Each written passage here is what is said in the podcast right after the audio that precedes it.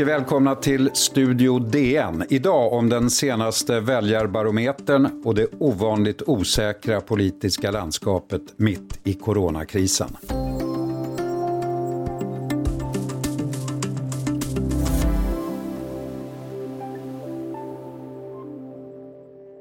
Den senaste väljarbarometern för april från DN Ipsos visar två tydliga saker. Socialdemokraterna fortsätter att öka kraftigt. Vänsterpartiet tappar efter fyra ökningar i rad. Hej Eva Stenberg, DNs politiska kommentator. Hej Lasse. Trots de här siffrorna nu Eva, den allmänna politiska osäkerheten just nu känns nästan som bräcklig våris. Har du varit med om något liknande? Nej, jag har aldrig varit med om en så dramatisk samhällsutveckling och heller inte faktiskt om ett så skört parlamentariskt läge som det är den här mandatperioden. Ja, det känns inte riktigt som siffror nu räcker och, och, betyder allt på något sätt. Känns det inte lite som att det kan gå åt vilket håll som helst? Ja, det styrs ju av flera krisförlopp eh, som gör det svårt att värdera, inte bara den inrikespolitiska maktförhållanden och diskussionerna i riksdagen, utan vi har ett eh, litet virus inblandat och vi har en stor världsekonomi som aldrig har varit med om någonting liknande någonsin. Vad är Eva, DN Ipsos, vad är det för mätning egentligen för de som inte vet? Det är en opinionsmätning med många år på nacken, fast det har inte alltid hetat Ipsos opinionsinstitutet, men, men där man frågar ett slumpvis antal eh, väljare vad, vilket parti de skulle rösta på om det var val idag. Och så jämför vi det månad för månad, helt enkelt för att se eh, svängningarna i värderingar. Vi ställer också andra frågor för att försöka kalibrera det här om, om trender och åsikter i, i väljarkåren. Hur pass pålitlig och eh, är, är den här jämfört med andra, med SIFO och andra? Ja, den har eh, klarat sig ganska bra. Det finns, det, opinionsmätningar har haft det svårt i den här nya digitala tiden. Det har blivit osäkrare att mäta och det finns många som inte har fasta telefoner längre och sådär mm. och alla opinionsinstitut har hanterat det på lite olika sätt. Eh, men, men Ipsos är en av de mätningar som absolut har högst kvalitet. Och det kan man ju jämföra med den största som görs i Statistiska centralbyråns mätning, där det är många tillfrågade och eh, olika metoder som är ambitiösa och dyra. Men då kan man se att eh, DN Ipsos-mätningen klarar sig relativt väl. Ska vi inleda med att titta då på Socialdemokraterna? Detta kommer att ta längre tid än vad vi vill att det ska ta. Och det är därför mitt budskap till svenska folket är det Tro inte att det här är över på några veckor. Detta kommer att ta tid, det kommer att ta månader. Ingen kan säga exakt hur länge, men det kommer att ta tid. Löfven och Socialdemokraterna belönas just nu med en uppgång på 4,7 procentenheter till 29 procent. Eva Stenberg, varför?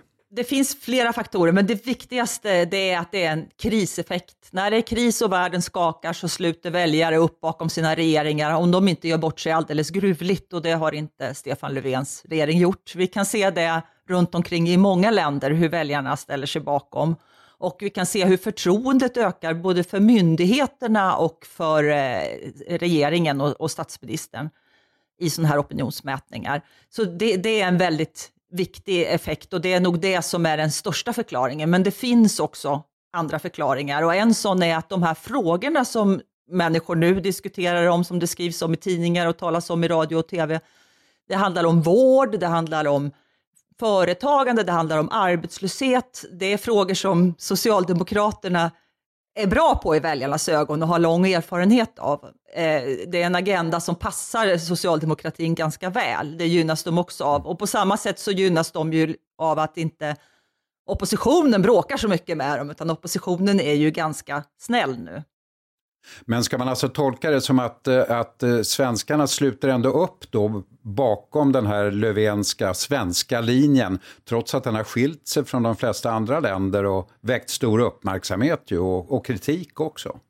Ja, man kan tolka det så. Eh, det, det, finns ju andra mätningar från andra opinionsinstitut som har frågat, har du förtroende för regeringen, har du förtroende för Folkhälsomyndigheten, har du förtroende för strategin att bekämpa coronaviruset? Och de visar allihopa att svenska väljare har ganska stort förtroende för hur den här krisen hanteras, än så länge. Men allt det beror ju naturligtvis på hur det går.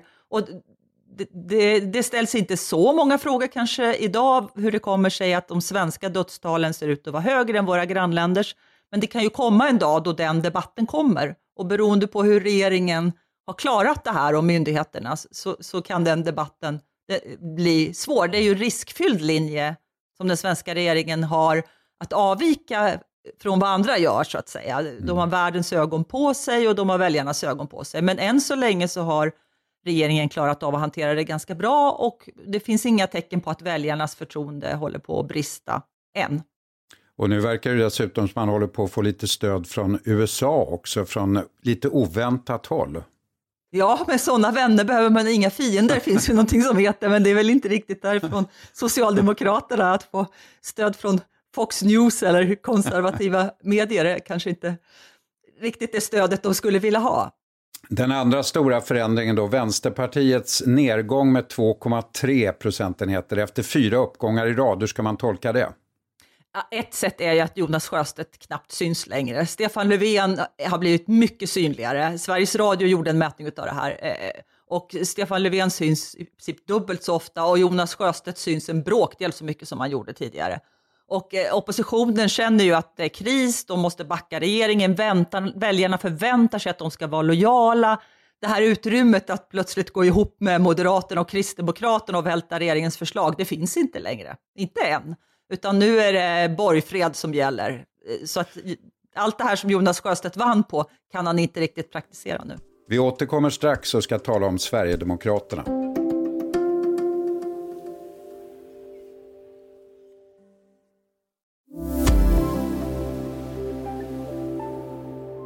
Det finns väl en viss konflikt här där regeringen säger att man måste spara pengar eh, och spara resurser till efter krisen. Och jag eh, håller väl i och för sig med om det, men det betyder ju inte att vi kan spara på krutet nu, utan det viktiga är ju att vi, vi ser till att rädda i grunden livs livskraftiga företag. Därför skulle jag vilja se ännu större insatser redan i det här läget. Ja, Eva Stenberg, Jimmy Åkesson låter ovanligt eh, förbindlig, nästan lite otydlig här.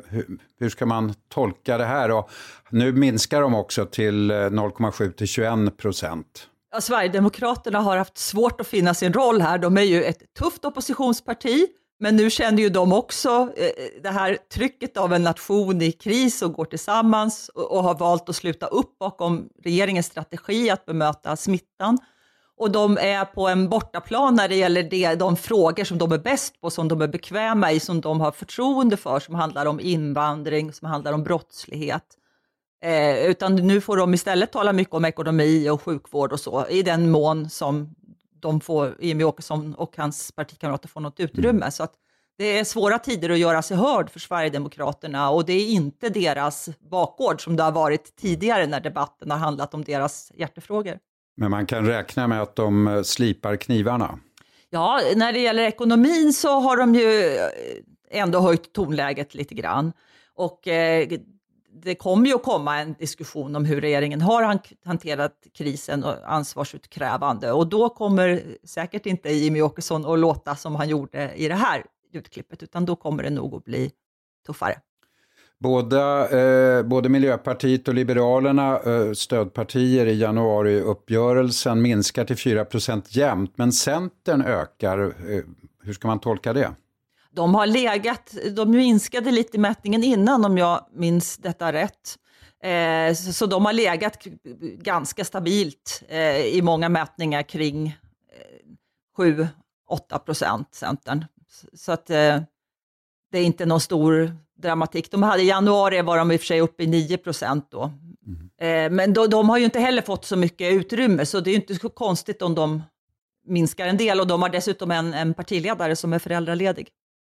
Precis. Och Moderaterna minskar och KD står still och det samlade stödet för partierna som står bakom januariavtalet är idag 44 procent. Det är alltså obetydligt mindre än samlade stödet för M, KD och SD. Eh, vad ska man säga eh, rent allmänt? Hur ser arbetet inom de olika partierna ut nu till skillnad från under en vanlig period? Hur tänker man? Hur resonerar man framåt? Det har varit nästan grupparbete i riksdagen på ett ovanligt sätt därför att alla partier har varit inblandade i flera utskott i att snabbt kunna ta fram krislagstiftningar och finansiering till olika reformer och sådär. Eh, och, och, dessutom så träffas ju varje tisdag partiledarna, eh, digitalt eller fysiskt, och, och, pratar om viktiga problem under krisen. Så att det har varit ett, en helt annan samarbetsanda och som faktiskt efter så många år av debatt har omfattat alla åtta partierna, alltså även Sverigedemokraterna, under det här arbetet. Stämningen är väldigt förändrad i riksdagshuset mot hur det brukar vara. Vilka faktorer kommer då att bli avgörande för väljarsympatierna framöver, som du ser det? Ja, det beror ju så mycket på hur den här krisen utvecklar sig och då tänker jag framför allt på hur det ska gå med virusbekämpningen. Hur lång tid det kommer att ta, hur stor osäkerhet det är, hur kommer eh, sjukdomen och dödstalen att utveckla sig, men också på de ekonomiska effekterna som ju det man vet är att de kommer att bli stora och dramatiska. Statsfinanserna kommer inte alls att vara så där goda som de har varit fram till idag, utan det kommer att bli mycket tuffare prioriteringar och svårare att hantera alla utgiftskrav som man vill göra. Det kommer med stor säkerhet att bli en debatt om att stärka sjukvården, förbättra äldreomsorgen och naturligtvis att hantera företagande och arbetslöshet. Hur, mm. hur ska man få företag på fötter eller få tillbaka dem och hur ska man få folk i jobb? Så att den agendan kan man ju se redan nu naturligtvis, men vilken, vilket tidsperspektiv pratar man om och vilka proportioner har det? Vilka frågor kommer att minska i betydelse då, tror du?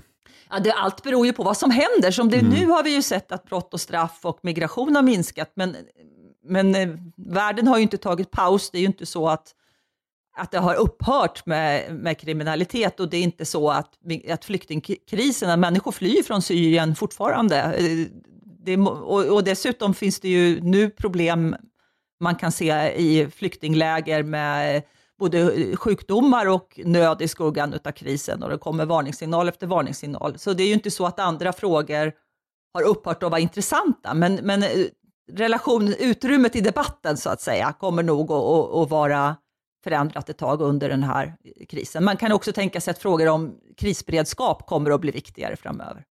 Tror du, Eva, som eh, rutinerad politisk reporter, att, att eh, intresset för politik från eh, ja, det svenska folket i allmänhet kommer att öka efter det här? Eller tror du att man blir less på allting? Eller vad, vad tror du? Ja, det är en intressant fråga. Jag skulle tro att, att, för, att det skulle kunna öka intresset. Eh, faktiskt samhällsengagemanget. Jag, jag tittade på en, en, paradoxal sak. Jag fick alldeles nyss siffror från, från eh, Ipsos, det här opinionsinstitutet då, som vi samarbetar med, eh, som visar att eh, eh, det nu är fler människor som tycker att eh, samhällsutvecklingen går åt rätt håll än det var innan den här krisen började. Och det är ju en väldigt paradoxal mm. sak, men, eftersom det är en kris, att säga. Men, men samtidigt så tänker jag att att det är ett uttryck för ett samhällsengagemang. Att man ser att här har vi en stor utmaning som vi tillsammans, försöker, att fler tänker så, att vi tillsammans försöker lösa, att man kan eh, påverka och styra eh, samhällsutvecklingen och hur det hanteras. Det finns ett sånt drag av optimism som också skulle kunna visa ett större intresse för politik, tänker jag. Med den ganska positiva eh, synpunkten så får vi sluta för idag. Eva Stenberg och anledning att återkomma senare naturligtvis. I Studio DN imorgon, USA-tema, Donald Trumps ledarskap, galenskap eller slug kalkyl. För ljudillustrationerna idag svarade SVT och Expressen. Studio DN görs av producent Sabina Marmelakai, exekutiv producent Augustin Erba, ljudtekniker Patrik Miesenberger, teknik Jonas Lindskog, Bauer Media. Jag heter Lasse Bengtsson. Vi hörs!